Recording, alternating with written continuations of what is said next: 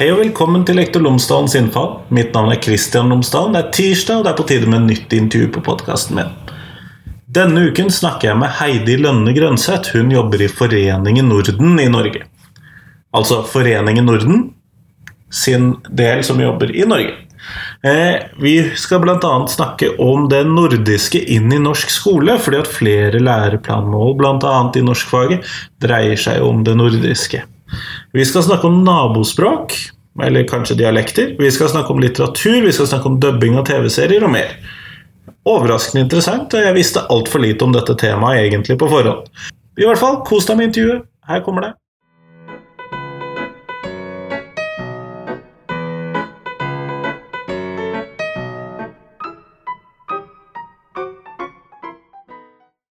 Tusen takk for at jeg har fått lov til å komme og besøke deg her i dag, Heidi. Veldig hyggelig å ha deg her. Kunne vi ha startet med at du fortalte meg tre ting om deg selv, i tilfelle lytterne mine ikke skulle kjenne til deg fra før av? Mm -hmm. Ja, eh, jeg har eh, utdannelse som eh, sosialantropolog. Eh, jeg, under studiet så fokuserte jeg i hovedsak på, på kjønn og feminisme, og på Latin-Amerika. Eh, og etter studiet så kom jeg inn i hit i Foreningen Norden og skifta region. Ja, Det var ikke helt logisk bytte der. Nei, men jeg, det var en, en, ganske god overgang fordi jeg hadde jobbet mye med barn og unge og liker å jobbe med språk, så det var eh, ikke så unaturlig likevel. Så det var én ting. Eh, jeg har jobbet her i syv år. Mm, og da i hovedsak med nettopp språk- og utdanningsspørsmål. Og en tredje ting ja, Jeg har en treåring hjemme og har det veldig moro med det. Så bra. Mm. Du jobber jo da her i Foreningen Norden, men hva er Foreningen Norden? Foreningen Norden er en eh, partipolitisk uavhengig organisasjon som eh, jobber for et tettere nordisk samarbeid på folkelig plan, og også litt med tanke på pådriverarbeid Eh, på politisk plan. Eh, så i hovedsak så er jo formålet egentlig at vi snakker mer sammen og tenker mer sammen. Sånn at vi skaper felles løsninger og, og en felles retning.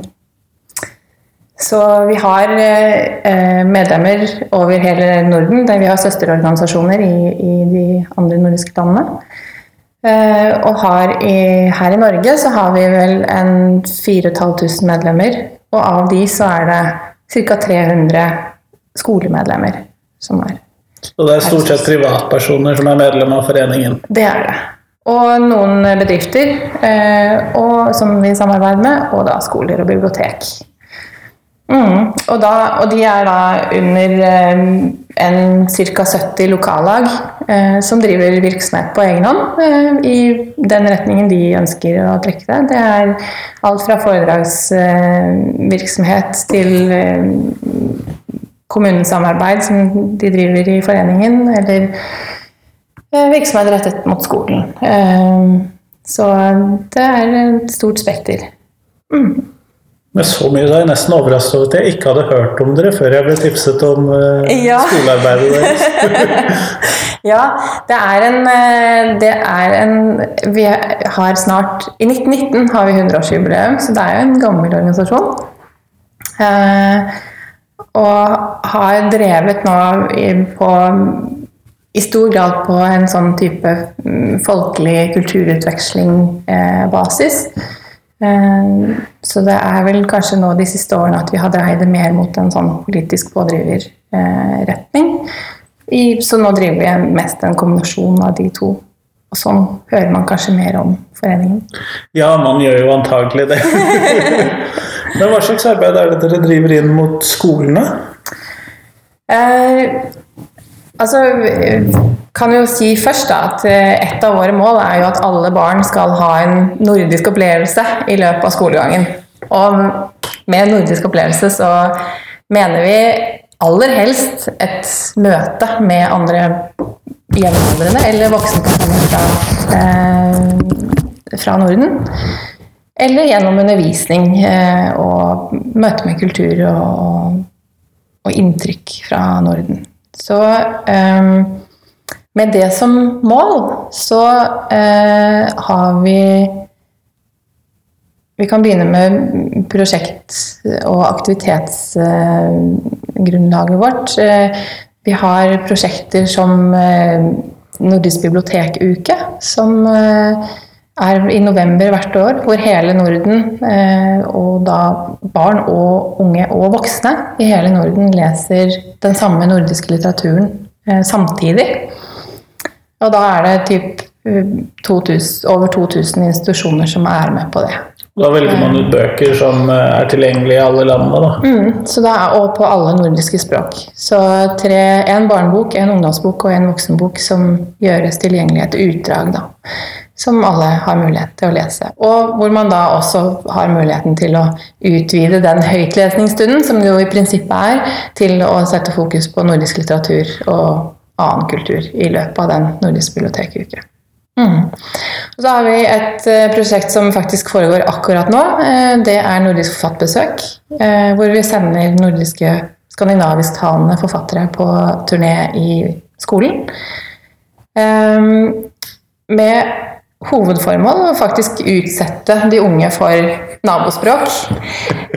De får en intensiv time hvor de bare blir pepra med, med enten dansk eller svensk. Og i dette tilfellet nå denne uka her med finlandssvensk.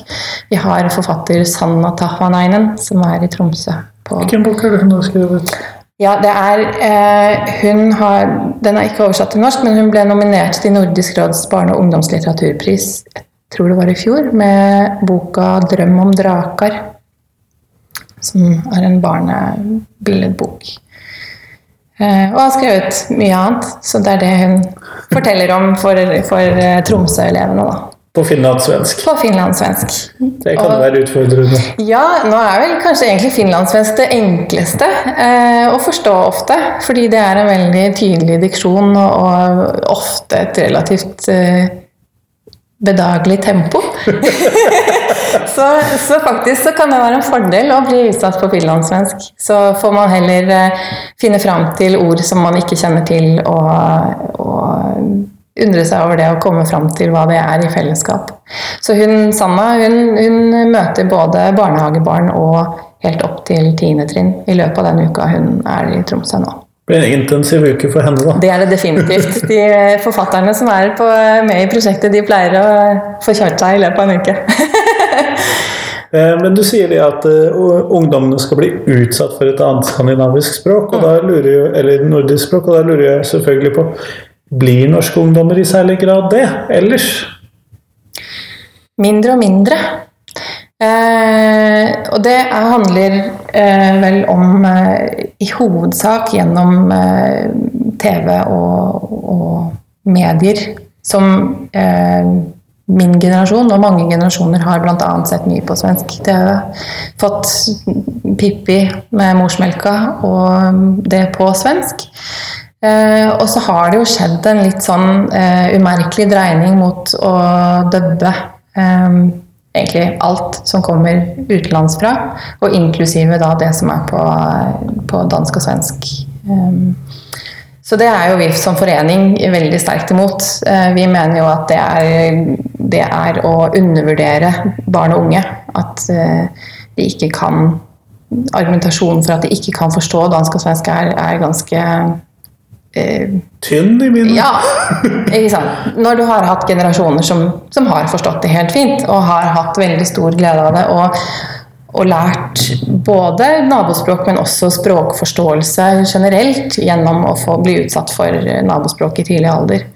Så det, det mener vi frarøver de unge en, en, en viktig kunnskap og, og erfaring.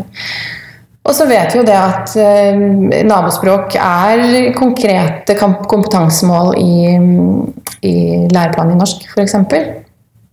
Eh, men undersøkelser viser at det er eh, en del elever som ikke får den undervisningen de skal ha om det. Og også at lærere opplever at de ikke nødvendigvis har kompetansen de ønsker, eller tryggheten for å undervise nabospråk.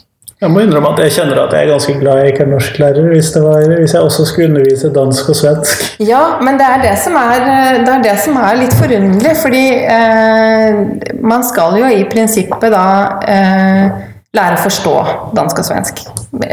Elevene skal jo ikke lære dansk og svensk i, i, å snakke og skrive dansk og svensk. De skal lære å forstå det. Eh, og da kan man gå tekstveien og lese tegneserier eller eh, korte noveller eller eh, sang, låttekster. Ta noe som er eh, høyst eh, aktuelt, dagsaktuelt, eh, og som fenger. Eller man kan se en film og bli utsatt for, for nabospråk på den måten. Eller selvfølgelig gjerne kaste seg ut i og, og, prøve å uttale dansk og svensk selv. Det er noe med å ha det i munnen også. Altså, forsøke seg. Da, da, knekker man jo gjerne noen av, av språk- og uttalekodene også, ved å smake litt på, på dansk og svensk uttale på egen hånd. Eh, men, eh, men det, er, det, er, jo et hav av eh, muligheter innenfor populærkulturen bl.a. og innenfor litteraturen. Så å gjøre nabospråkundervisning relevant for de unge tror jeg er helt essensielt. Og da trenger man vel egentlig bare noen sånne gode grep og, og litt sånn tyding av hva som, er, hva som utgjør forskjellene mellom eh, språkene, eller dialektene, da, som vi pleier å kalle dem. Ja, for det er ofte et spørsmål om dette faktisk er separate språk eller ikke. Ja, det er jo det. Så fra et språkvitenskapelig perspektiv så kan man jo argumentere for at det er mer dialekter enn språk. Så da lener vi oss Som forening så lener vi oss til det. um, Så, og så skal man jo selvfølgelig også lære litt om de øvrige nordiske språkene. Eh, det står faktisk i Helsingforsavtalen, som er, er avtalen mellom Eller en forpliktelse av en forpliktende avtale mellom de nordiske landene, at alle barn og unge skal ha lære om Nordens språk, kultur og samfunn i undervisningen. Så det er, eh, det er noe alle elever skal få, og det er det vi eh, arbeide for. Da. At det blir en, en reell eh, lov. ja, jeg må jo si det at jeg tror det har skortet litt på finskundervisningen jeg har fått. Ja, det har vi satset spesielt på i år, faktisk. I anledning Finlands 100-årsjubileum så har vi, har vi, sett i større grad mot Finland enn hva vi eh, har gjort i hvert fall de siste årene jeg har jobbet her. da. Så det har vært kjempespennende. Eh, og det er jo klart at man Vi vet lite om hverandre, altså. Vi er våre nærmeste naboer, og likevel så er det, er det ganske tynt med kunnskap. Eh, og det til tross for at vi er, er så like. Um, så det er både forunderlig og noe vi da må jobbe med. Mm. Ja, jeg ser jo det da. Eh, men hvordan ved siden av sånn forfatterbesøk ut til elever og sånn, hvordan jobber dere med å fremme dette ut i norske skoler? Akkurat nå så er det jo denne store eh, fornyingen av læreplanverket. ja, det krever jo noen ressurser, tenker jeg. Det, der kreves det litt. Der må vi også være med eh, og være på banen. Nettopp for å argumentere for at eh, Norden, det nordiske perspektivet og, og kunnskap om Norden må ha en tydelig plass. Og da viser vi selvfølgelig til Helsingforsavtalen, der det står at alle Se her, dere har signert på dette allerede? Det, det er signert, og det må, det må videre inn i, inn i, nasjonale planer. Eh, for det er jo noe av utfordringen med eh, en del av det nordiske samarbeidet, at det holdes til det nordiske samarbeidet og ikke blir um, integrert i nasjonale planer.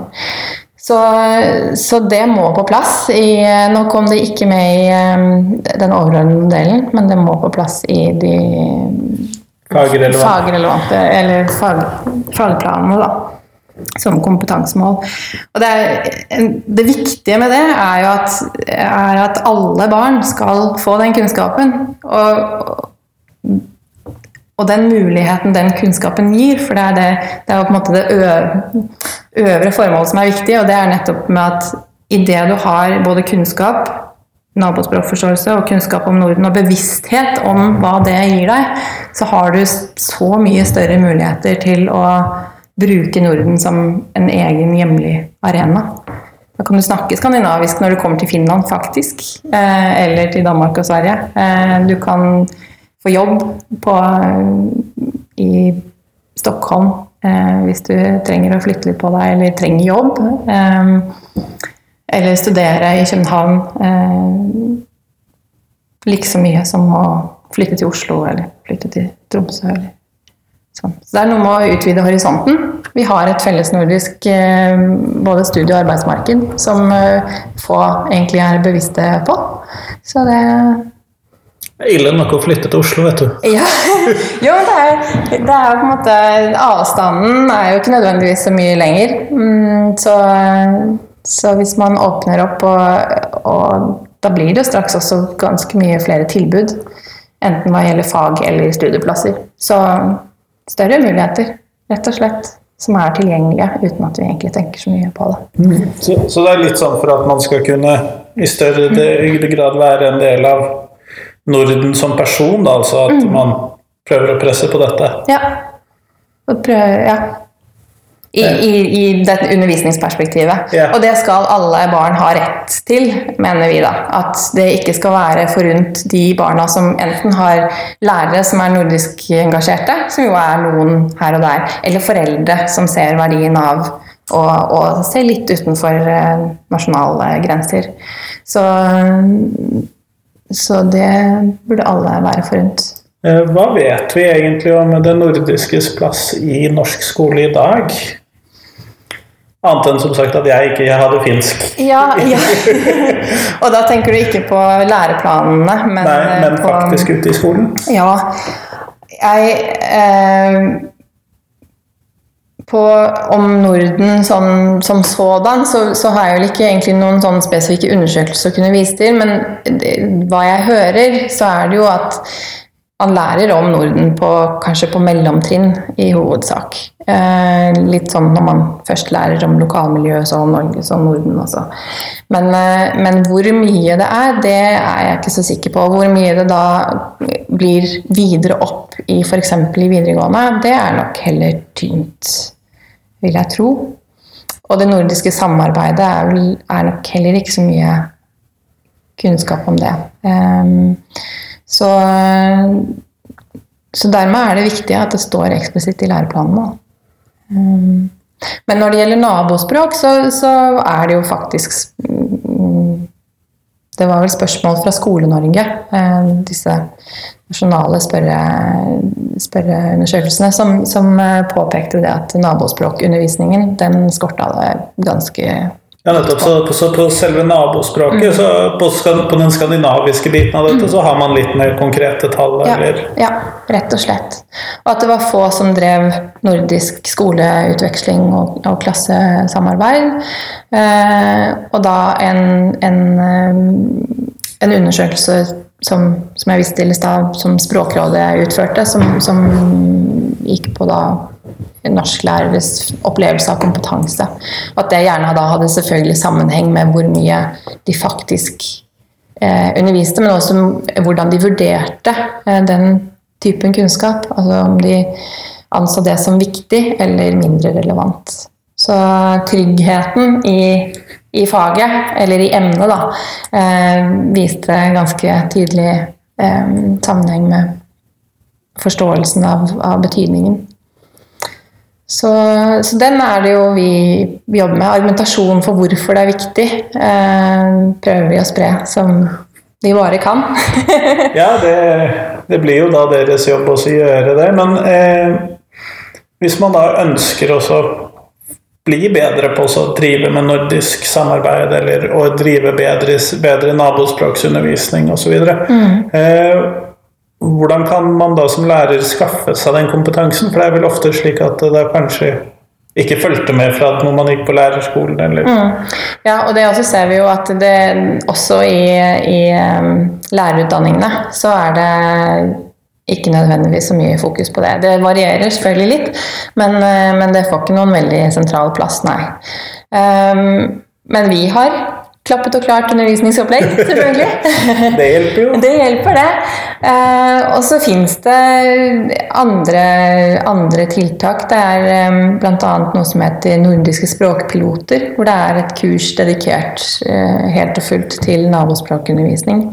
Som er eh, årlig, vel. Som det er kurs som lærere der kan ta? Som lærere fra hele Norden kommer, eh, samles og, og får, eh, får både eksempler på hvordan man kan utføre nabospråkundervisning. Man treffer kollegaer som man kan etablere samarbeid med.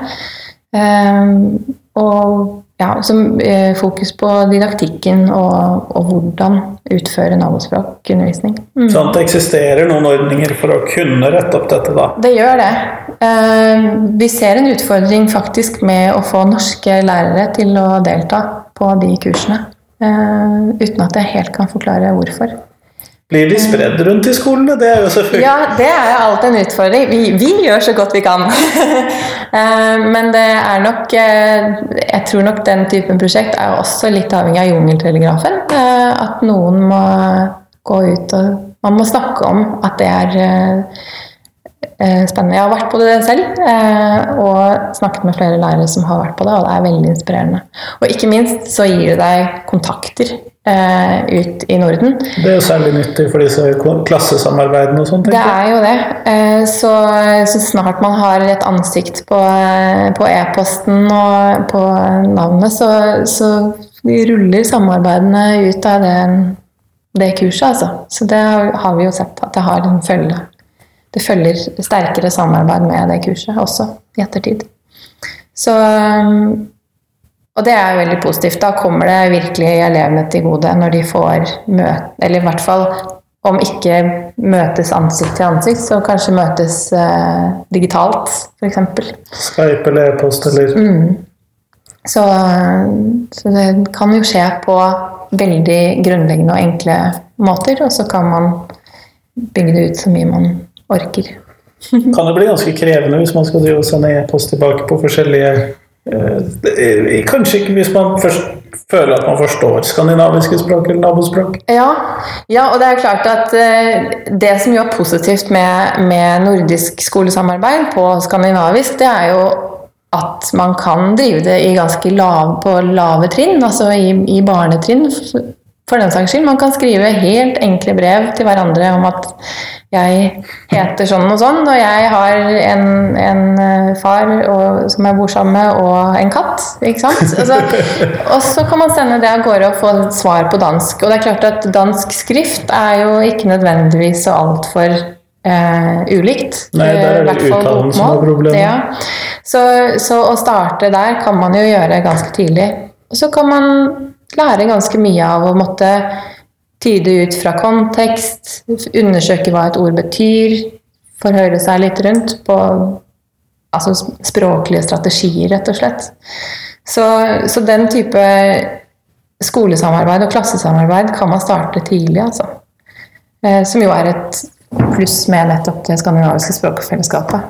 Um, Slipper å vente til åttende klasse som eh, fremmedspråkene. Ja, ikke sant? Man kan starte Man kan utvide horisonten allerede når man er ganske liten. Eh, og man får helt konkrete relasjoner å bygge Norden-kunnskapen på. Det tror jeg er veldig viktig, og det tenker jeg med også med forfatterbesøkene. Den timen med et skandinavisktalende nordisk fjes, det gjør at man har noe å, å henge alle nye Norden-erfaringer. Kanskje man hører om en nyhet fra Danmark. Kanskje man hører om, altså Man har noe å knytte det til, noe helt konkret. Egenopplevd. Så å skape den første knaggen tror jeg er veldig, veldig viktig. Altså. Og ikke minst få lov til å oppdage selv at det er ikke så himla vanskelig. Eh, bare man eh, gir det et forsøk. Og det gjelder faktisk dansk også. Jeg tror ganske mange barn går rundt og tror at dansk er helt umulig nettopp fordi foreldre har sagt at det, det går ikke. Ja, øh, og jeg kommer jo fra en del av Norge hvor det er vanlig å dra på sommerferie til Danmark og harrytur til Sverige. Eh, og nå bor jeg jo i en del av Norge hvor det ikke er så vanlig. Mm. jeg føler på en litt mer eh, motstand mot dansk og svensk i Bergen enn det jeg følte på under oppveksten i Akershus. Ja. Jo, men sånn, sånn er det nok. Det er nok eh, betegnende. Eh, men ikke desto mindre, det er jo høyst eh, Så fort man skal litt ut i verden, så er det å studere og, og jobbe, så, så er det jo egentlig like relevant. Mm. Og man ser jo Nå veksler jo sånt med konjunkturene, men eh, det at vi har hatt en sånn strøm av svenske ungdommer, f.eks., eller ungdommer fra Island, det er også viktig, viktig å poengtere at det har jo også kommet mange derfra som har hatt en sånn eh, grunnleggende eh, skandinavisk kunnskap eh, som de Ja, har de er lært. ofte ganske gode, føler jeg. De har jo skandinavisk på skolen. ehm, så de legger et grunnlag, og så er jo språkene også i slekt. Så, så sånn sett er det en fordel, men, men eh, det gir også tilgang når det er eh, lettere å få jobb et annet sted i Norden, så, så gir språ, er språket nøkkelen til å få jobb umiddelbart, ikke sant? Eh, det, Så det er ganske tydelige insentiver til hvorfor man skal lære dette, da. ja, det, det kan jo forenkle eh, og, og gi mange muligheter. Jeg hadde egentlig lyst til å spørre deg hvorfor holder det ikke med norsk og, nei, bokmål og nynorsk, og kan vi ikke holde oss til eh, å lære norsk? Men eh, du har jo egentlig fortalt meg hvorfor det er feil. Ja. ja, og så er det ikke så mye som skal til. Nettopp, og det var jo det jeg sa i stad, at man skal jo ikke lære å bruke språket selv. Man skal lære å forstå egentlig litt sånn daglig bruk eh, for å kunne orientere seg i, samfunnet. Og det gjør jo at en, man kan gjøre det ganske lett og ledig. Man kan lese, altså høre på Nei, kanskje ikke hiphop og rapptekster på dansk, det aller enkleste, men man kan på Svensk Svensk i hvert fall går jo ja, det. Ikke sant? Eh, man synger jo på svensk, så det ljomer. Eh, eh, så, så å gjøre det relevant og lett og ledig, det tror jeg er eh, nøkkelen. Man trenger ikke å gå tilbake 100 år og lese de gamle tekstene eh, for å Så skal du ikke pugge grammatikk Nei. eller sterke og svake verb. Du, Overhodet ikke. Så du kan, egentlig, du kan egentlig ha en ganske god sånn språklæreopplevelse. Du knekker et par koder, og så har du faktisk Så mestrer du eh, to nye dialekter. Eh, apropos dette språkkurset da, for lærere, eller denne, eh, hvor er det man kan finne informasjon om når det er søk søknad, eller hvor man kan søke om det? Ja. Det er jo ikke vårt prosjekt, det er, eh, men det er en nettside som heter ja, hva, hva var den, da? Det er noen nordiske språkpiloter. Det kan man google. så Det skal jeg putte inn i shownotesen, så det går Ja, fint. ja. Eller så informerer vi også om det når det, når det dukker opp. Så vi, vi formidler den type tilbud som jo ikke nødvendigvis bare er fra oss, men som er nordisk relatert, og som vi opplever at det er viktig at Som fremmer deres arbeid. Ja, ja, og vårt formål. Ja. Mm. Eh, Nå går vi jo mot slutten av denne podkasten, og da har jeg jo et spørsmål som jeg pleier å stille til alle de jeg intervjuer. Eh, Og det er hva du ville gjort som norsk skolediktator.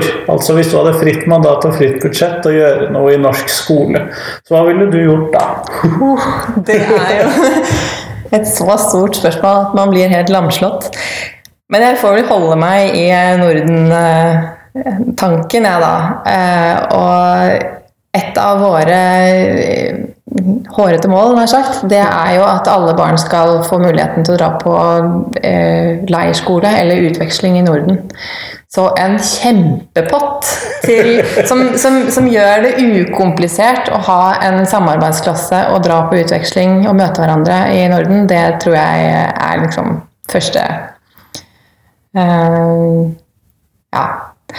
Så er Det det er jo ganske greit mål å skissere. veldig konkret, da. ikke Ja. sant? Um, og relativt kostbart. Men, eh, men jeg tror nok at effekten er jo veldig stor av å ha den type utveksling. Man, man lærer både språkforståelse, kulturforståelse, man eh, utvider horisonten. Man oppdager hvor like man er.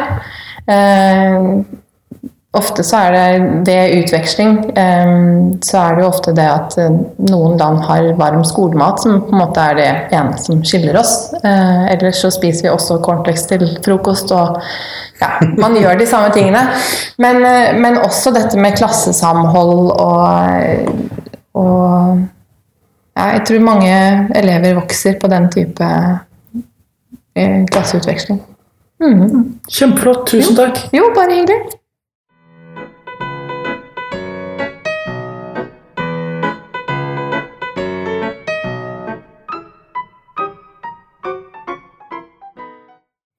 Tusen takk til Heidi, og tusen takk til deg som hørte på.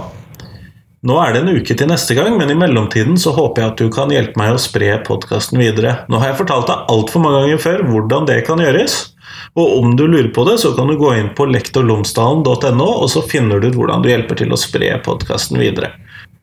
Ellers håper jeg at du trives med episodene, og om du har noen som du tenker at vil være perfekt for podkasten min, så håper jeg at du kan hjelpe meg å finne de menneskene. Så send meg gjerne en, eh, et tips når du først er inne på lektorlomsdalen.no. Fram til neste gang så får du ha en god uke. Hei, hei.